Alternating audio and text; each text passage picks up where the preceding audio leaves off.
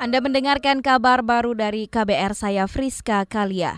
Saudara Presiden Joko Widodo memerintahkan sedikitnya 40 peraturan menteri dicabut hingga akhir tahun ini. Sekretaris Kabinet Pramono Anung mengatakan perintah itu disampaikan Jokowi dalam rapat tentang kemudahan usaha di kantor Presiden hari ini.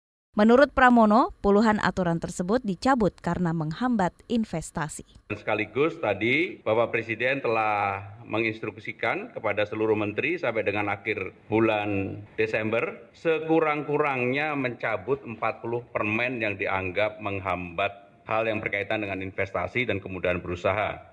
Termasuk perizinan-perizinan yang tersebar di beberapa kementerian. Sekretaris Kabinet Pramono Anung mencontohkan aturan yang tak ramah investasi seperti perizinan pengadaan kapal. Prosedurnya berbelit-belit dan tersebar di beberapa kementerian sehingga harus disederhanakan. Pramono mengatakan Jokowi ingin proses perizinan semacam itu hanya ditangani satu kementerian saja. Beralih ke informasi selanjutnya, pengusaha tekstil mengapresiasi terbitnya sejumlah aturan pengamanan atau safeguard industri tekstil nasional. Aturan pengamanan itu berupa pengenaan bea masuk tambahan bagi produk tekstil impor. Ketua Umum Asosiasi Pertekstilan Indonesia API Ade Sudrajat mengatakan aturan tersebut efektif menekan arus produk tekstil dari luar negeri masuk ke Indonesia. Banjir impor tentu telah diatasi dengan terbitnya safeguard PMK nomor 1 161, 162, 163 dan tentu itu sudah menghambat impor ke dalam negeri di mana dikenakan uh, bea masuk tambahan hingga lebih dari 100%. Tentu itu akan menghambat berbagai produk untuk bisa masuk ke Indonesia. Ketua Umum Asosiasi Pertekstilan Indonesia Ade Sudrajat meminta pemerintah mengeluarkan kebijakan lain untuk mendorong daya saing pengusaha tekstil lokal.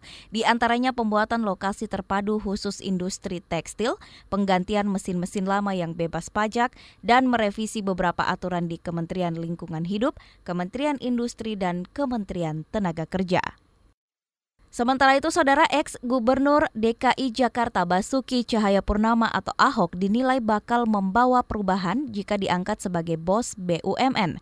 Ekonom senior Faisal Basri mengatakan kinerja perusahaan plat merah bisa terdongkrak dengan masuknya Ahok. Namun untuk mewujudkan hal ini, Ahok tak bisa kerja sendirian, namun harus didampingi tim. Kalau tanpa tim ya berat. Ahok tuh bukan malaikat tapi roh Ahoknya bisa menjadi motor perubahan tapi tidak cukup. Necessary conditionnya harus dipenuhi.